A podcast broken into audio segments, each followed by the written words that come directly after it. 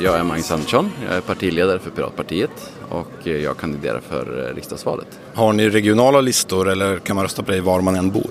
Vi kommer se till att få ut så mycket valsedlar som möjligt givetvis i alla kommuner. Men vi har fokuskommuner som är Linköping, Uppsala och eh, framförallt Lund. Det känns som att det är lite studenter då kanske? Ja, studenter är en del av vår eh, fokusgrupp givetvis. Men eh, generellt sett människor som vill se förändring och är teknikoptimistiska och vill se att vi, vi tittar på saker och ting kanske ur ett perspektiv som vi har idag istället för så som det var för kanske 10-15 år sedan. Du tänker att de andra hänger inte med? De, de bygger sin politik på hur samhället var förr? Jag skulle säga att vi är väl lite mera framåt än vad de flesta andra partier är. Men eh, det, det, givetvis kommer de protestera i den beskrivningen. Men det är så att vi, vi oavsett vad vi har pratat om så ser vi 10-15 år senare att det var det vi pratade om som hände. På något sätt så är det någonting jag kan säga att vi har belägg för. Ja, och det gick ju väldigt bra för er ett tag. Eh, då var det seriösa diskussioner om upphovsrätt och eh, piratkopiering och sådär. Det känns ju inte som att man har hanterat de där frågorna utan man har bara glömt bort att man tyckte att det där var viktigt då. Så ni borde väl fortfarande behövas, eller vad säger du? Mer än någonsin. Eh, vi har ju en fantastisk eh, EU-parlamentariker, Julia Reda, som eh, då är från Tyskland, som representerar Piratpartiet i parlamentet i EU som idag faktiskt har fått möjligheten att, att vända hela plenum i EU Eh, och eh, säga att de vill faktiskt rösta om och hantera den eh, upphovsrättsreform som har gått igenom, eller som nu inte har gått igenom i, i EU. Det är jury där det var tidigare då eh, diskuterad, där gick den igenom med en röst vilket gjorde att eh, vi såg att det fanns en möjlighet att, att verkligen pusha för att eh, låta fler människor få in sin röst i, i den debatten. Så vi jobbar jättemycket med framförallt upphovsrätten eh, just nu. Eh, så att det, det, är jätteviktigt. Och det är synd bara att, att, debatten här i Sverige är väldigt låg. Vi försöker verkligen anstränga oss och, och trycka på att det här är någonting som ni måste alla vara med i. För att det kommer påverka alla människor framöver. Vad tycker du vore en rimlig upphovsrättslagstiftning då? Det förslag som vi har som ligger eh, i vår politik är att man har en eh, fem år eh, Eh, upphovsrätt som man sen då kan förlänga med fem års intervall upp till 20 år. Eh, och tittar vi idag på de kreationer som görs, eh, både musik och film och, och, så vidare, så är det väldigt sällan eh, verk som, som ens finns i vårt medvetande i ens fem år. Så att vi, vi tycker att det är en ganska rimlig tidsgräns som är den allmänna upphovsrätten då. Sedan så får man då utveckla det vidare genom att man registrerar sina alster. Ja men det låter ju rimligt tycker jag. Eh, det sägs ju att Beatles tjänar mer pengar nu än på 60-talet. Och eh, det finns ju något osunt i det där. Det känns nästan som något privilegiesamhälle. Så kan vi inte ha det. Jag har inga problem med att Beatles egentligen tjänar pengar på sin musik fortfarande i stort. Så. Jag menar, det är ändå de som har gjort det. Så att men, men eh, det som sker är ju att alla andra människor har ingen möjlighet att vidareutveckla, remixa och, göra andra varianter av deras musik. Utan den är liksom inlåst i, i deras del av musikvärlden så att säga. Och om man istället då tänker sig att vår kultur skulle bli så mycket större om man kunde få använda sig av andras verk efter ett antal år. Eh, så skulle förmodligen eh, kulturen bli mycket större och vi skulle få ta del av mycket mer kultur. Det som de säger att ja, men vi måste få betalt och det jag säger att ja, det är klart ni ska få betalt. Det är inte det det handlar om. Det är frågan om hur länge ska ni få betalt och framförallt när upphovsrättsföretag köper upp upphovsrätten och fortsätter även efter kreatörens död och tjäna pengar. Nu har vi alltså en upphovsrätt som gäller 70 år efter att personen som hade upphovsrätten från början har dött. Och då är ju frågan så här, vem, vem gynnar det? Det var prat om att ja men upphovsrättens barn måste ju också få ta del av det här och deras barnbarn måste också få ta del av det. Man undrar så här, liksom, hur ska vi verkligen låta upphovsrätt gå i arv? Är det det som är liksom tanken? Eller är det så att man har tänkt på annat sätt, typ att ja, men vi köper upp upphovsrätten och sen så tjänar vi pengar på det. För man kan se att när, när en kreatör dör, det är då best of-skivorna börjar dyka upp i mängder. Liksom. För då är det ofta så att avtalen är byggda så att när kreatören dör så får bolaget stora delar av pengarna. Det är lite cyniskt att, att se det här men det, det, är så det funkar idag.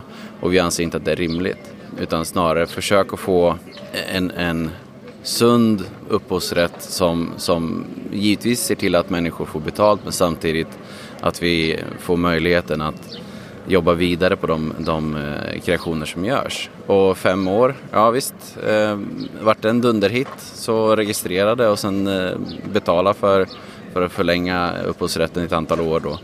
Och sen när du tycker att nej men jag tjänar inte pengar nog att behålla upphovsrätten så kan man släppa det.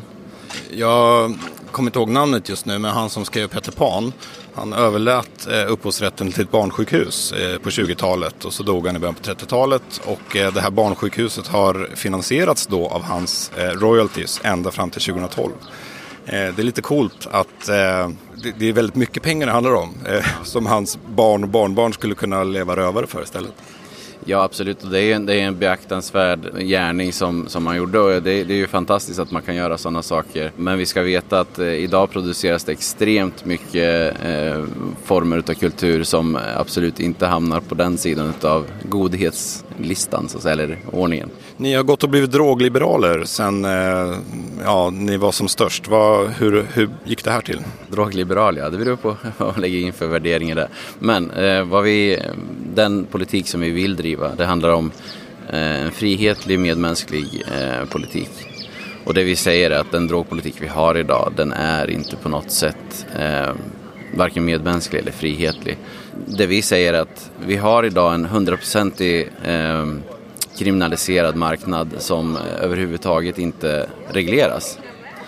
Och jag, jag är lite förvånad faktiskt över eh, hur de som då är för en repressiv politik inte ser hur samhället fungerar. De vill bara liksom ta bort alla droger men det funkar ju inte så. Drogerna kommer alltid finnas så länge det finns eh, människor som, som på något sätt vill förändra sin verklighetsuppfattning eller bara slappna av ett tag. Och sen om det är vin eller om det är cannabis eller vad det nu kan vara man tar skulle spela mindre roll anser vi. Eh, framförallt så är det ju så att när vi har en, en eh, helt kriminaliserad marknad så har vi ingen styrsel alls på vilka det är som får köpa.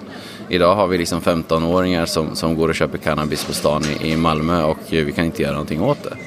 Visst, vi kan ju försöka sätta, sätta dit langarna men det är ju eh, fortfarande, när du tar bort en langare så kommer en ny in liksom. Det, det är inte så att det är slut bara för att man tar bort en. Nej, så länge det finns en efterfrågan så är det väl någon som hoppar fram helt enkelt. Ja, men så är det ju och efterfrågan har jag svårt att se att vi kan eh, få bort. Sen är det ju så att eh, man, man säger att ja, men den repressiva politiken har fungerat för vi har så få människor som, som provar droger eh, i Sverige och det, det, kan man väl tänka sig men samtidigt är det ju så att de som väl börjar ta droger gör det relativt mycket. Man kan se på Portugal till exempel som oftast tas upp som exempel då, liksom för en, en om, omläggning i drogpolitiken. Där man kunde se då att bruket gick upp, vilket är rimligt för att folk liksom vill prova på. Och så, så märker de efter ett tag att nej men det här var inte min grej. Så nu har det sjunkit ner igen till samma nivå som var i princip innan då. Och samtidigt så är det så att folk kanske byter drog. Idag så tar de alkohol för att de vet att det är lagligt men de mår kanske inte så bra när de gör det. Då finns det andra droger man kan ta som de kanske då fungerar bättre med.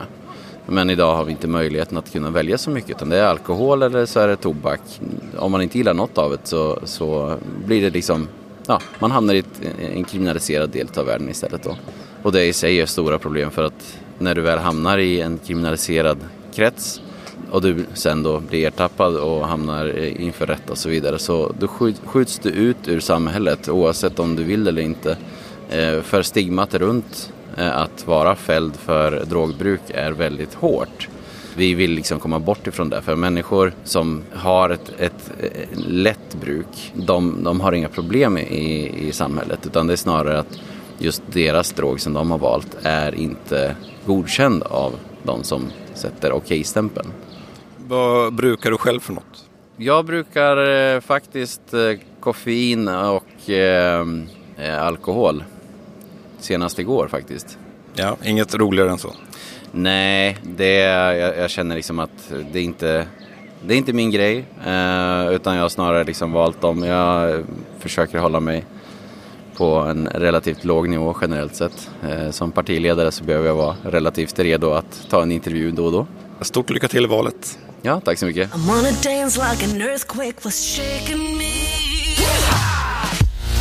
I'm gonna sing like my heroes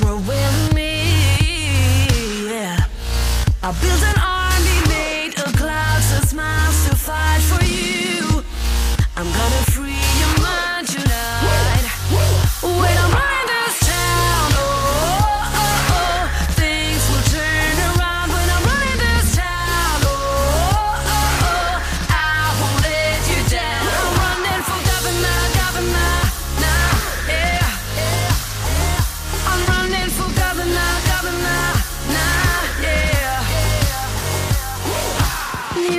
crazy.